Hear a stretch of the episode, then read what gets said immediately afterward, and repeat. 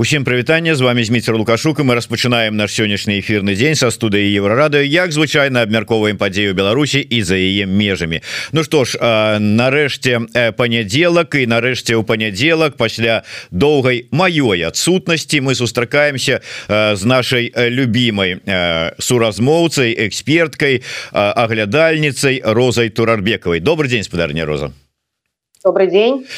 Спадарня роза давайте шмат розных тэм что-то нам подкинула інфармацыйная повестка за апошнія дні але давайте может быть самой такой свежей навіны я не ведаю ці можна вас лічыць экспертам у там по краінах лацінской Америки але тым не менш вось ваша можа быть ну такая реакция як чалавека які ўсё ж таки разбирается і добра ведае замежная вот ўсё эту паліталогію дыпламатыю і дыпламатыю абранне прэзідэнтам ультраправага такога палітыка у адной з лацінаамерыканскіх краінаў Як вы гэта ацэньваеце? Чаму? Вот что за гэтым стаіць?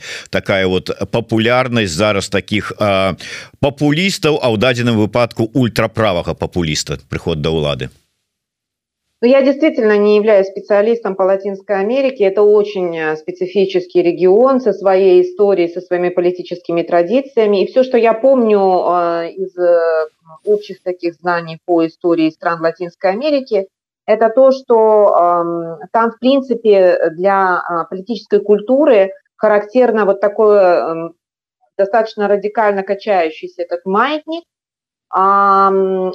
победа умеренных политических партий э, в общем и целом там э, бывает, но не так часто. А там идет вот эта вот поляризация политического поля от крайне левых до крайне правых. Вы помните Бальзанара, например, да, в Бразилии, и после него приходит приход снова социалиста, да, Лулы. И вот здесь мы с вами опять то же самое э, видим. При этом, ну вот это по всей вероятности как и результат э, развития политической культуры в Латинской Америке, так и результат текущей ситуации. Э, сложно сказать, почему вот э, идет такое востребованность такая, да, такой запрос на э, крайних правых. Но если посмотреть, например, на Европу, да, и на подъем правых э, даже в Европе, даже в очень умеренных странах, где, казалось бы, все эти э, вся эта любовь к радикализму уже давным-давно ушла в прошлое, тем не менее свидетельствует о том, что вот такие партии, они сейчас э, на определенном подъеме. Мне кажется, это свидетельство того, что есть определенное разочарование в политических элитах, с одной стороны, с другой стороны, очень много проблем, и очень хочется, чтобы эти проблемы решались быстро, и как-то там, как там, чтобы навели быстро порядок. А, электорат целом а, как бы все больше и больше находится в состоянии напряжения и страха. И вот это состояние напряжения и страха, оно а, политиками, некоторыми недобросовестными политиками, оно все это конвертируется вот в такие радикальные лозунги, которые, к сожалению, на сегодняшний день, вот они востребованы, видите, проголосовали, победили, ну вот как бы оборотная сторона демократии. В общем и целом я не вижу ничего удивительного. Конечно, это ничего хорошего в этом нет, но удивительного я в этом ничего не вижу тоже. Потому что в целом тренд такой. Але калі паглядзець на э, заявы вось гэтага новоабранага э, прэзідэнта э, там же що ж таки э, э, лукашэнкаўскі рэжым э, МЗС лукашэнкаўскі вельмі нацеленыя на краіны як яны кажуць дальняй дугі і на лацінскую Амерыку. А калі глядзець вот заявы э, гэтага э, новага прэзідэнта э, яго э, намер менавіта падтрымаць Ізраиль э, Украіну э, там можа быть спыніць як ён за заяўляе нават контакты с Китаем гэта э, открывае ці закрывае пэўныя магчымасці для мінска у тым рэгіёне у той краіне конкретно думаю что да закрывает потому что э, правые это враги левых да а у лукашенко как ни крути все-таки э, взгляды более э, если если можно вообще в принципе характеризовать э, нормальные политические да, взгляды, они, конечно, левые социалистические. Это первое. Второе, а, а отсюда выстраивается вся остальная традиция да, поддержания в первую очередь тех сил и групп, которые провозглашали, по крайней мере, такого рода левого толка э, взгляды и цели. Отсюда традиционно левые поддерживают Палестину, правый Израиль.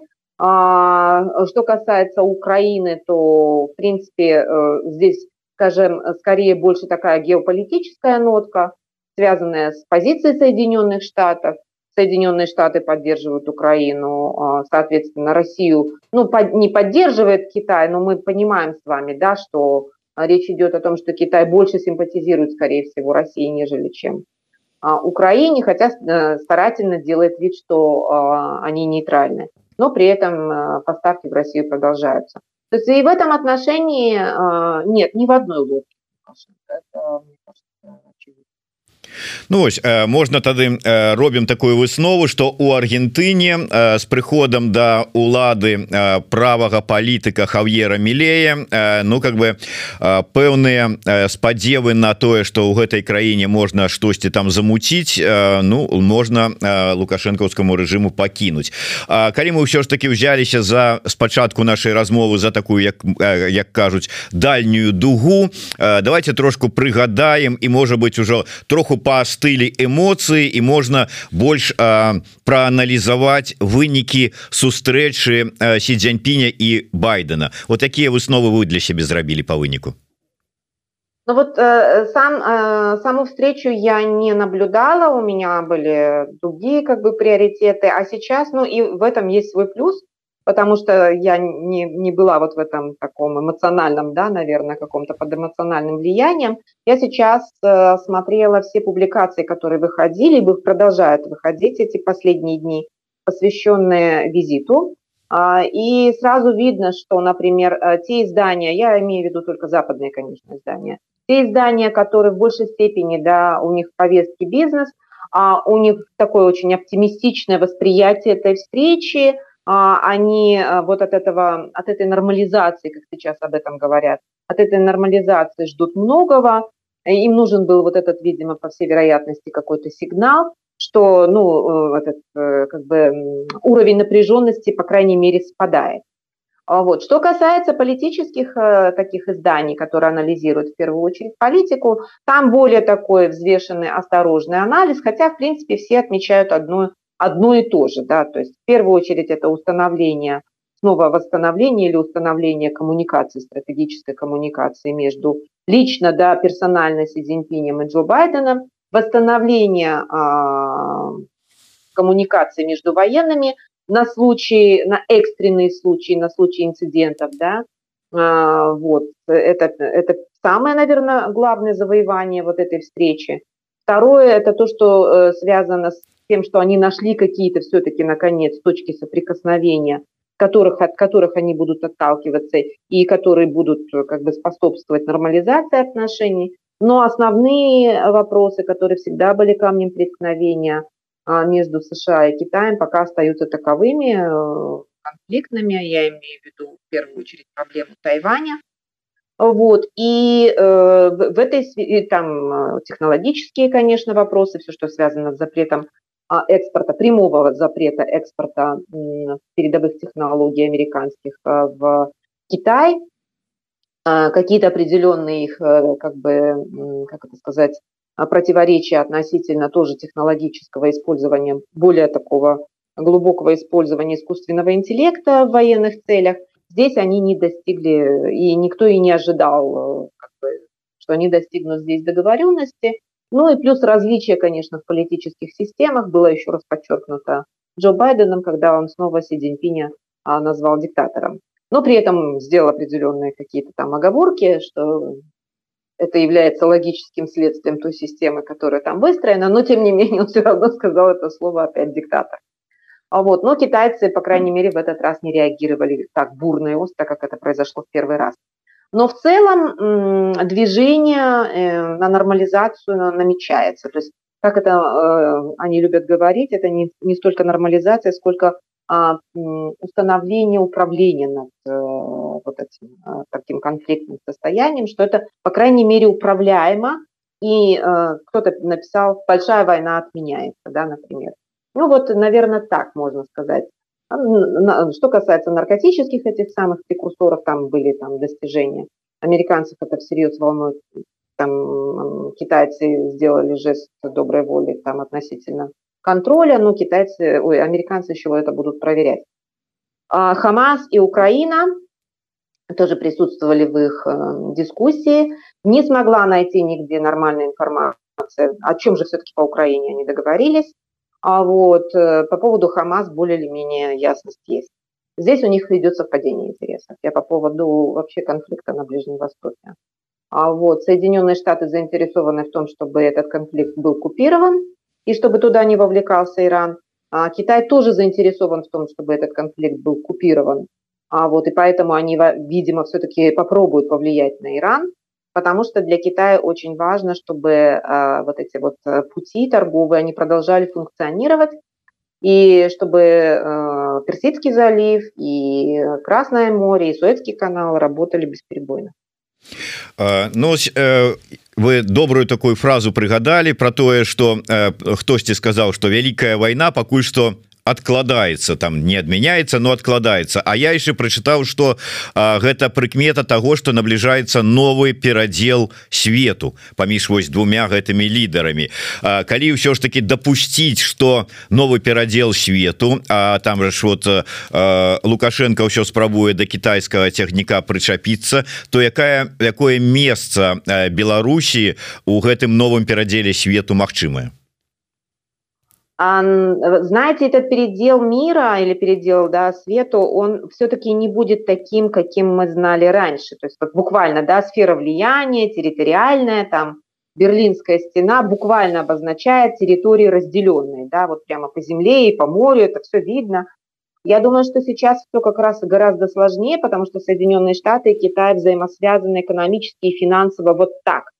То есть разделить буквально вот так не получается. По всей вероятности им при, приход, будет, придется изобретать какие-то вот эти формулы разделения. Но эти формулы разделения, они не будут буквальные и территориальные. То есть это не в том понимании, не в российском, извините, понимании, да, когда буквально там захват, э, там установление контроля над территорией и так далее. Э, ну, это все участь как бы стран, э, которые остались еще там. 19-20 веке. Китай все-таки США – это э, державы уже 21 века. И делить они, видите, что они делят? Они делят не территории, а технологии.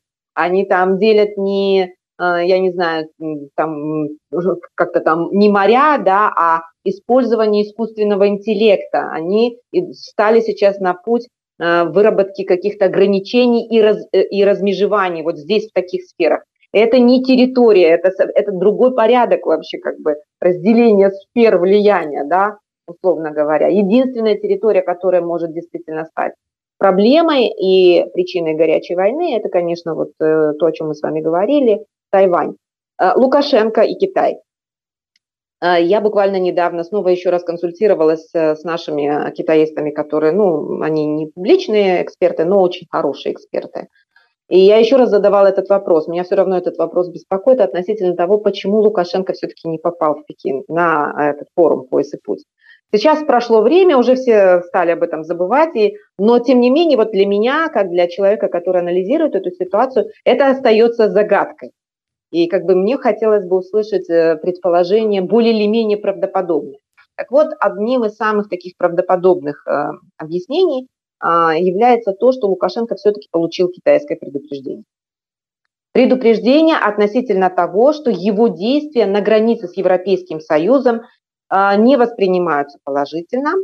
А, по всей вероятности, он пообещал нормализацию отношений, вернее, нормализацию ситуации на границе, когда он был в начале 23 года в Пекине с официальным визитом, и он это свое обещание не выполнил.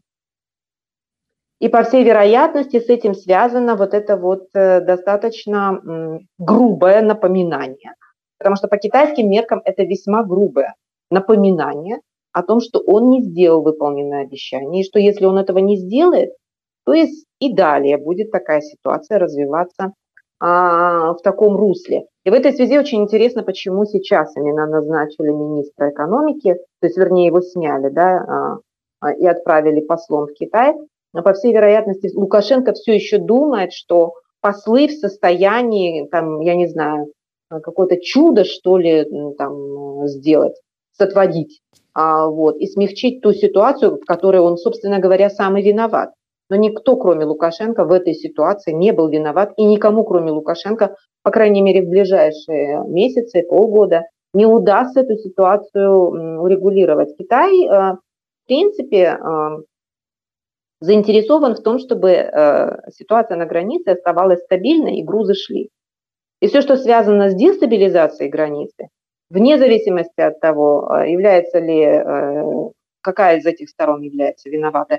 Ну, я думаю, китайские аналитики пишут, кто в данной ситуации виноват. Ну, собственно говоря, вот.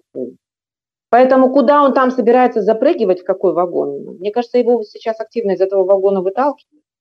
Даже из этого вагона атрымліваецца что на прызначэнне чарвякова уже фактычна былога міністра эканомікі паслом у Кітай гэта ну з пункту гледжання Китая гэта як ну такая ссылка а з пункту гледжання Беларусі Ну это ж не можа быть ссылкой бо Китаю прыоритетах Да, да, я хочу сказать, что быть послом в Китае в белорусской, так скажем, иерархии, да, там, назначений, является, в общем и целом, серьезным назначением.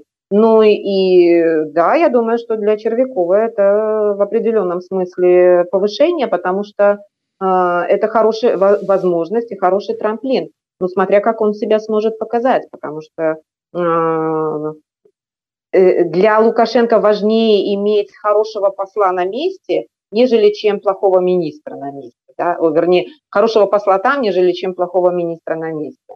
А вот, поэтому, да, для Червякова это повышение. Но э, Китай дал агриман, ну, согласие свое на назначение Червякову. За Червяковым не идет какой-то там флер, знаете, там, подавление, участие в кризисе, там, в избиениях демонстрантов. А вот. Ну, это, с одной стороны, еще и сигнал со стороны Минска, что мы вот хотим с вами дальше – развивать экономические отношения, видите, какого мы человека вам присылаем. Я думаю, это, это, все, э, это все, извините меня за выражение, по-простому скажу, мертвому припарка. Вначале надо изменить поведение самого Лукашенко.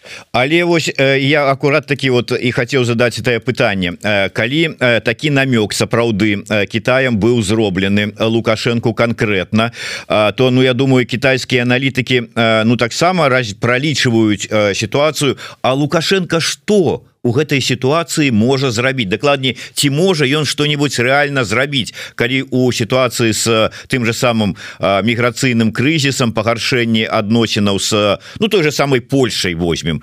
Ну как бы за этим здаецца стаіць жаданне Москвы а не асабіста лукашэнкі. І э, по вялікаму рахунку вот атрымаўшы такі сігнал Ну на як это і я по-простому скажу на раз плюнуть можна было рука лукашенко вырашыць гэтае пытанне Ну так дакладней пачаць працэс пацяплення адносінаў выпусціўшы на волю Анжея пачобута Да, но вот тут, понимаете, э, верх берет нерациональное, эмоциональное. Вы же знаете, что, как это сказать, э, месть на первом месте. Это, в этом проблема вся, что Возможно, нет, возможно, кто-то будет объяснять это и как рациональное тоже, что вот Лукашенко как сильный президент не должен показывать слабость в первую очередь своим, а, своему народу, и поэтому он не будет выпускать там э, знаковых политзаключенных, да, вот Анджей Почебутов является знаковым политзаключенным, и он не, не, как это сказать, ему не выгодно показывать свою слабость в отношениях с Польшей, тем более, что пропаганда уже там раскрутилась э, на полную э, мощь. Я имею в виду а, пропаганда, белорусская государственная пропаганда, она носит такой ярко выраженный антипольский характер. Но, понимаете, в том-то все и дело, что в поведении Лукашенко гораздо более нерационального, а, то есть его рациональность, она носит иной характер. А для китайцев, ну, китайцам все равно, им тоже, как бы, извините за выражение, плевать на его а, там, страдания юного Вертера, это его личные проблемы, а вот их интересы, это их интересы. И если он не может, скажем так, обеспечить реализацию китайских интересов. Ну что ж, по крайней мере, на форум его не позовут, а может дальше что и похлеще будет. Ці можна сказать тады что вот мы все здзіўляліся что это лукашенко уже по-моему два ці три разы выказываўся ну там паміж словамі але тым не менш у бок Польшчы что вот мы б не супраць там наладзіць адносіны мы вот готовыя і гэтак далей гэтак далей. Это можа быть как бы работа на китайскую публику э, тому что как бы потом сказать ну поглядите я ж вот дал им знак а ніякага отказу что ж вы от мяне хочете? Да наверное но я думаю китайцам все равно еще раз вот страдания. Им нужен результат. Э, они люди рациональные очень практичные. Даешь результат хорошо нет результата ну, я думаю что он давал обещание что он может что он способен. Ну, а если он не может и не способен, то какой же он после этого президент? Какого-то там независимого государства? Тогда, наверное, э, китайцы будут делать, э, как это сказать, следующее логическое заключение, что скорее надо с Путиным разговаривать на тему да, об урегулировании ситуации на границе с Европейским Союзом, нежели чем с Лукашенко.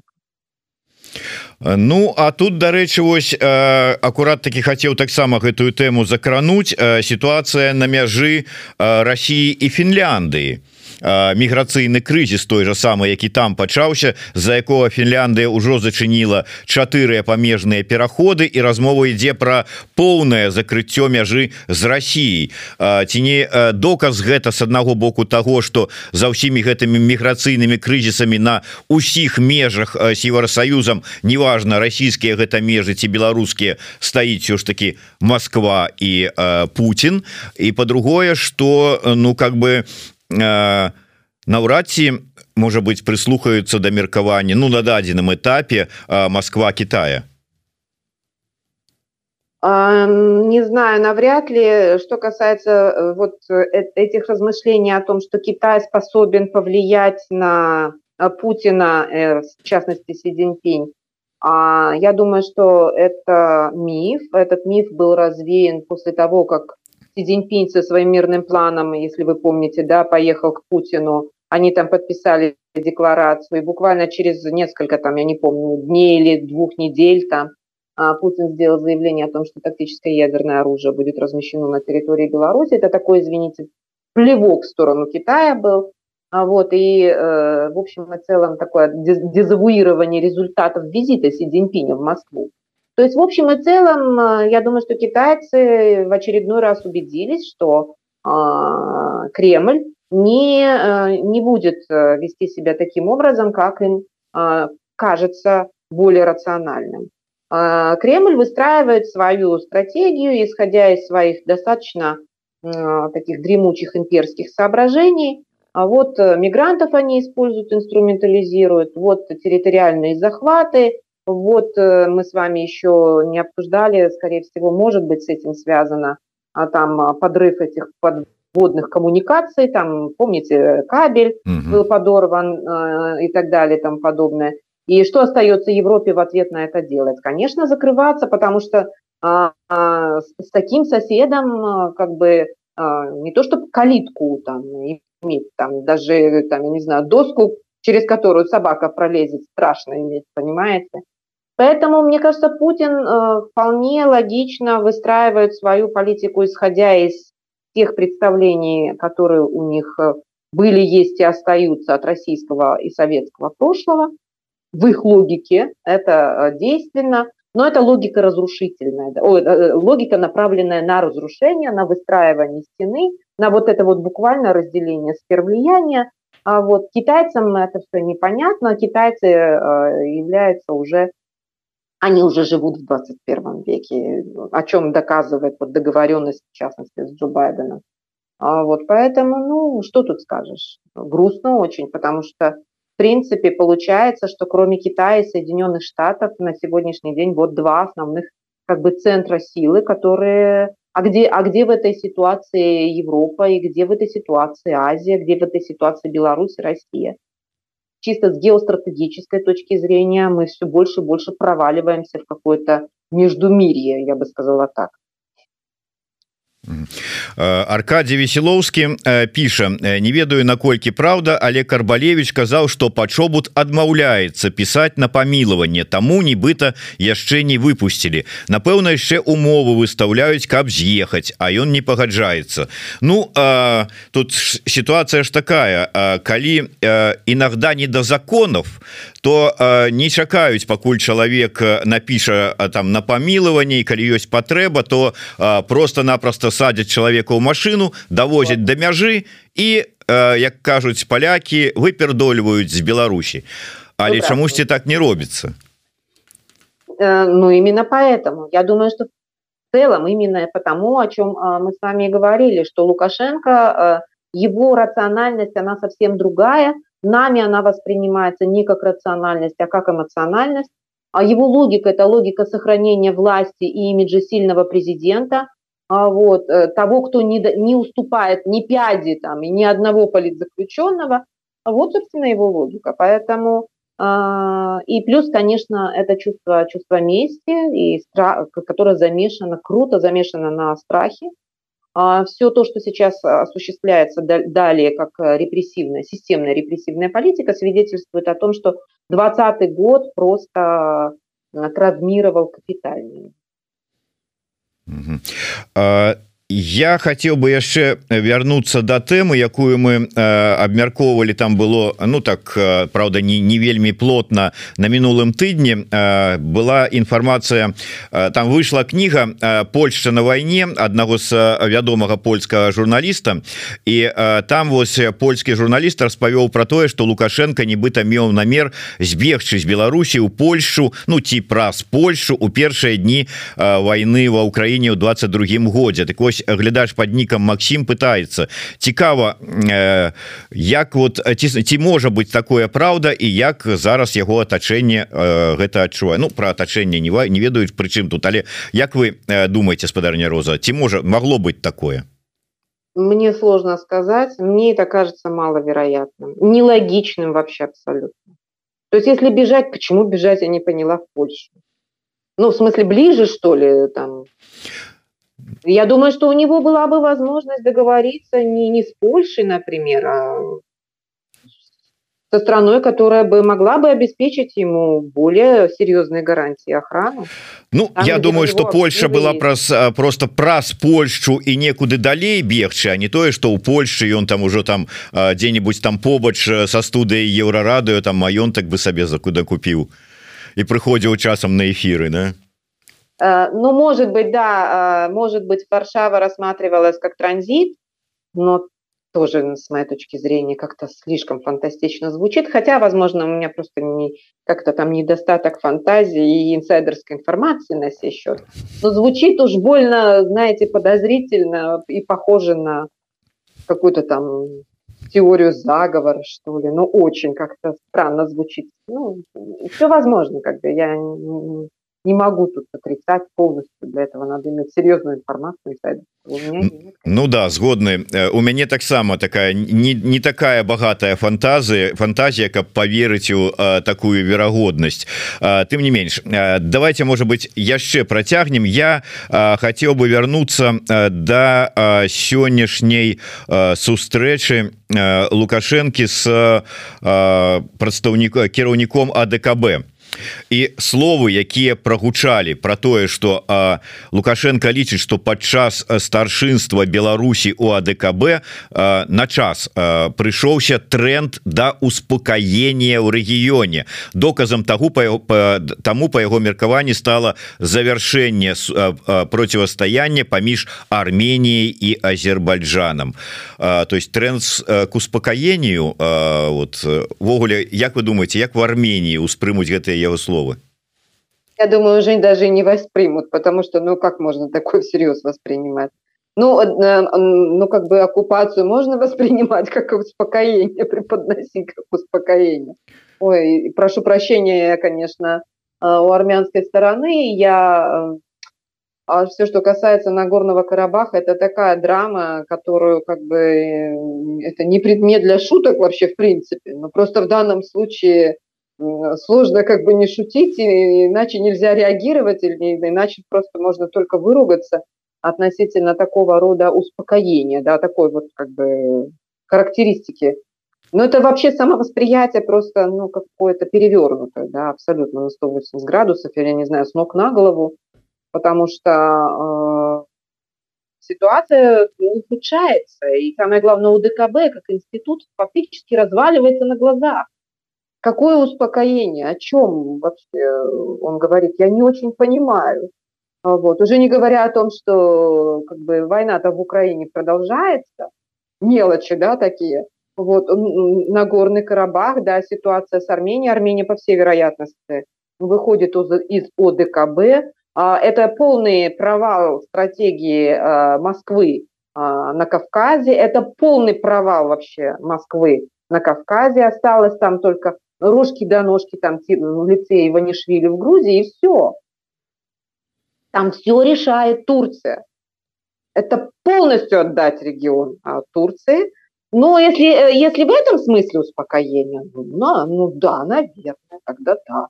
Тогда вот то, что там, например, э, в Центральной Азии, а, Казахстан и страны Центральной Азии, ну, в большей степени, конечно, Казахстан, все больше и больше, по всей вероятности, стараются э, потихонечку отодвигаться от России в сторону Китая.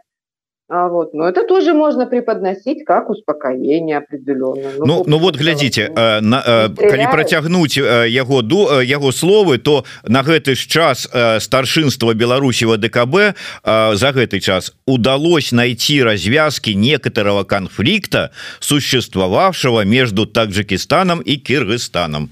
Ну вот некоторый такой вот ну нейкі такі вось драбяза Ну вот вырашылись таксама ну, э, сделала все, конечно, Россия, потому что очевидно, что когда возник этот пограничный конфликт между э, Кыргызстаном и э, Таджикистаном, то в первую очередь, конечно, Россия сыграла там свою роль определенную, но этот конфликт э, не, не урегулирован. Пусть они, нет, ну пусть они как бы не выдают, э, ну не черное за белое, но, по крайней мере, черное за серое. А до урегулирования там очень далеко. Там пограничный конфликт, э, как бы он, э, там, он тлеет, он взрывоопасен.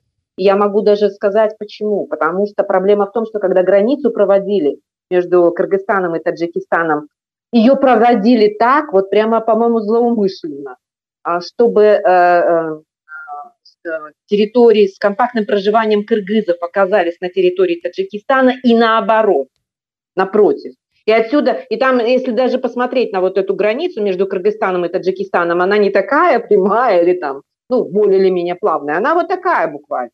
И это в свое время как бы для кыргызского и таджикского правительства стало серьезным вызовом. То, что было раньше административной границей Советского Союза, то сейчас является государственной границей. Но э, вот эти местные проблемы, они никуда не деваются, и претензии взаимные друг к другу постоянно выдвигаются, уже не говоря там, что народ-то горячий, и в случае чего сразу хватается, там, что там, первое, что под, под руку попадается, а попадается под руку и оружие, потому что в общем и целом в Таджикистане долгое время шла гражданская война, в Кыргызстане, через Кыргызстан там боевики ходили э, в 90-х, в конце 90-х годов, прямо через, как извините меня, через ворота.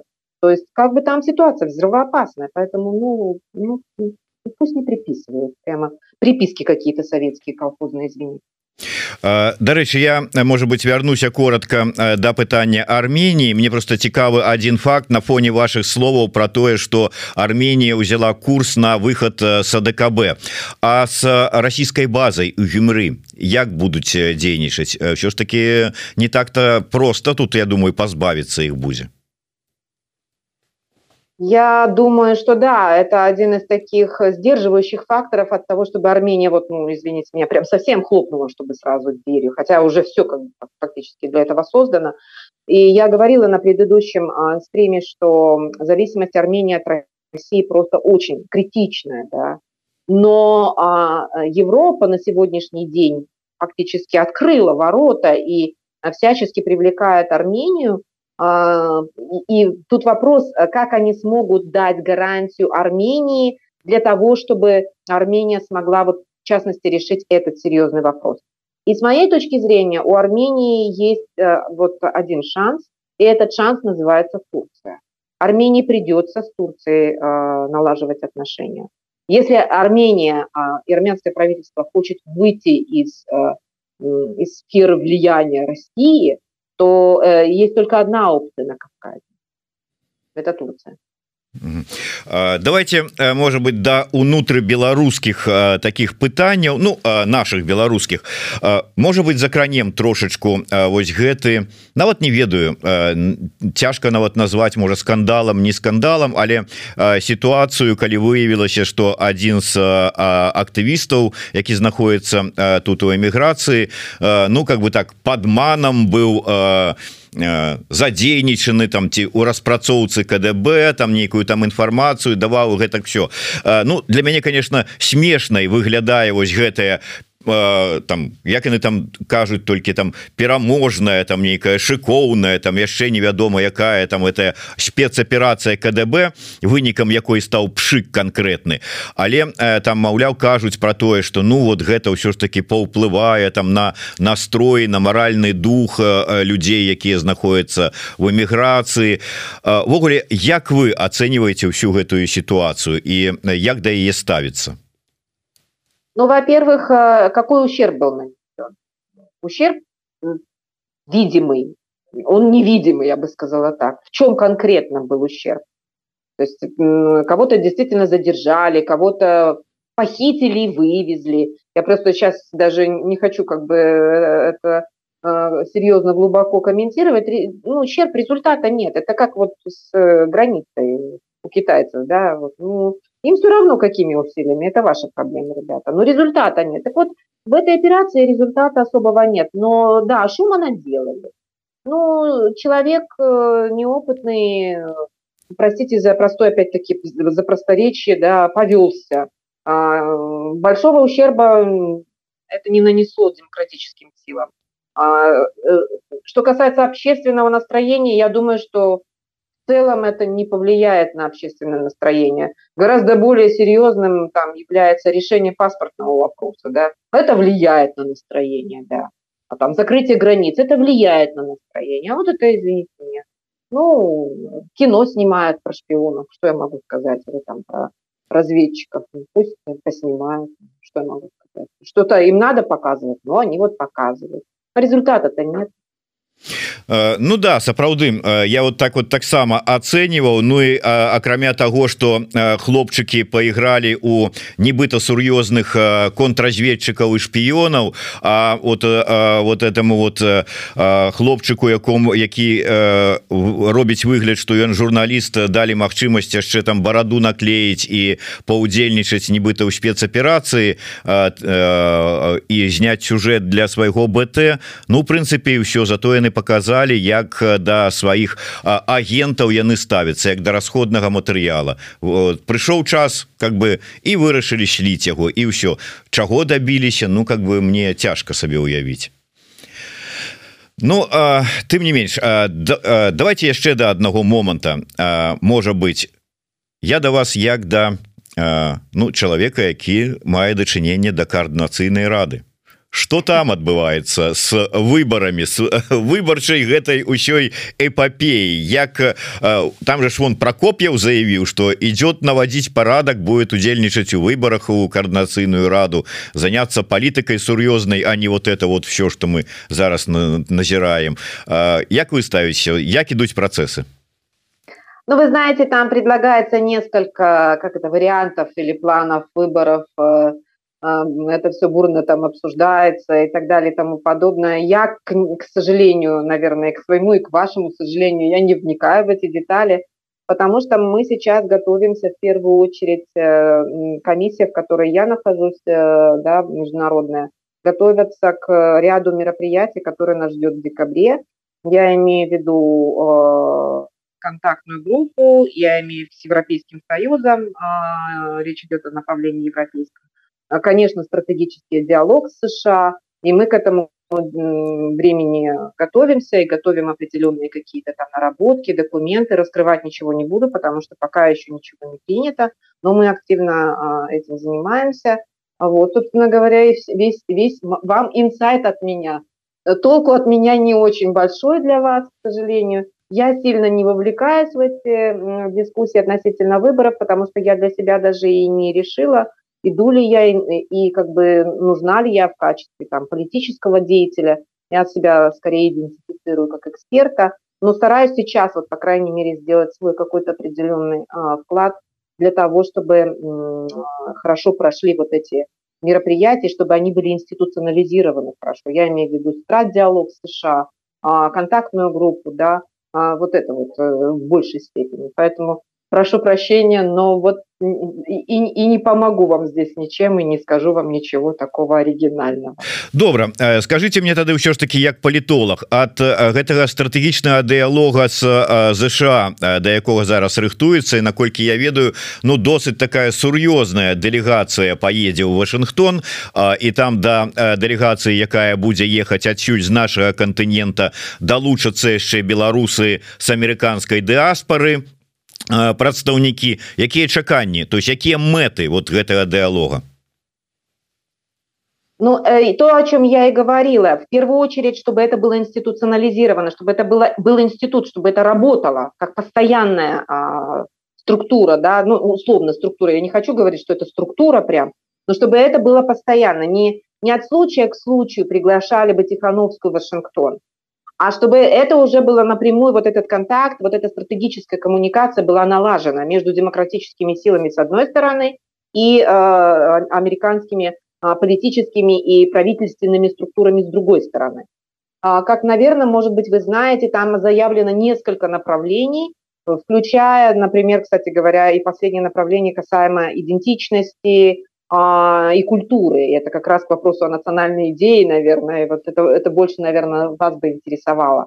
Вот, да, действительно, делегация едет весьма внушительная, а, едет и офис, и ОПК, то есть кабинет, и от Координационного совета тоже э, едет такая внушительная делегация по всем вот этим вот э, э, направлениям, включая, конечно, права человека, политзаключенные, есть направление по медиа, есть, конечно, общее большое политическое направление. В общем и целом все эти как бы, направления должны быть представлены экспертами достаточно высокого уровня, людьми, которые работают по этим направлениям, понимают, о чем идет речь. Вот я думаю, что основная цель – это институционализация, продвижение повестки белорусской, институционализация, и, возможно, они приедут с какими-то результатами конкретными, договоренностями. Но здесь я уже не берусь судить, потому что это уже я в делегацию не вхожу. Ну я таксама нягледзячы на тое что вы сказали э, тэма нацыянальнай ідэнтычнасці нацыянальнай ідэі таксама там нейкім чынам э, прысутнічае але вот э, бачыце нас нас з вами увагай абышлі ў гэтым сэнсе. Але спадарня розам днямі у ну, на мінулым тыдні дакладней будзе так сказаць у у ЗША было опублікаванае э, такое расследаванне про датычнасць э, лукашэнкаўскага режима до да вывозу украінскіх дзяцей на тэрыторыю э, Беларусі Я ведаю что перад тым як быў выпісаны ордер датычна Путина то вот такое ж расследаванне ну фактычна такое ж таксама з'явілася у ЗША тое что зараз яно з'явілася у дачыненні да лукашэнкі. Гэта прыкмета того что і на яго такі ж ордер рыхтуецца. Не знаю сложно сказать. Возможно тут это такой процесс понимаете вот буквально на днях я видела новость о том что был выписан ордер на арест Башара Асада во Франции. А, вот, то есть, э, казалось бы, да, сколько лет прошло а, после использования химического оружия, да, во время а, гражданской войны в Сирии, и уже Башар Асад а, чуть не ли победил, и его везде приглашать стали, я имею в виду в первую очередь, конечно, арабские саммиты. Но видите, э, как это сказать, э, такое неожиданное а, событие. А, я так понимаю, возможно, вполне возможно, что и с Лукашенко такая ситуация. То есть э, мало того, что были выведены войска, российские войска с территории Беларуси, ну, в большей части выведены уже почти, что нету. Мало того, что Лукашенко говорит, что с нашей территории ничего там уже не происходит, да, вот, но э, я так думаю, что эм, Тут вопрос только времени. Скорее всего, да, в каком-то виде этот ордер может появиться. Ну что ж на жаль трэба завершаць наш эфир я на завершэнне звярнуся да ўсіх хто чамусьці до да гэтага часу гэта не зрабіў. Подписывайтеся на телеграм-канал спадарыні розы турарбекавай ён быў у нас там у каментарах. Зараз попрошу каб яшчэ раз показали Ну і безумоўна не забывайтеся подписываться на YouTube канал еврорады для тых кому гэта бяспечна. Слухайте глядзіце нас. Ну і на до сустрэчы жыве Беларусь. Жыве вечна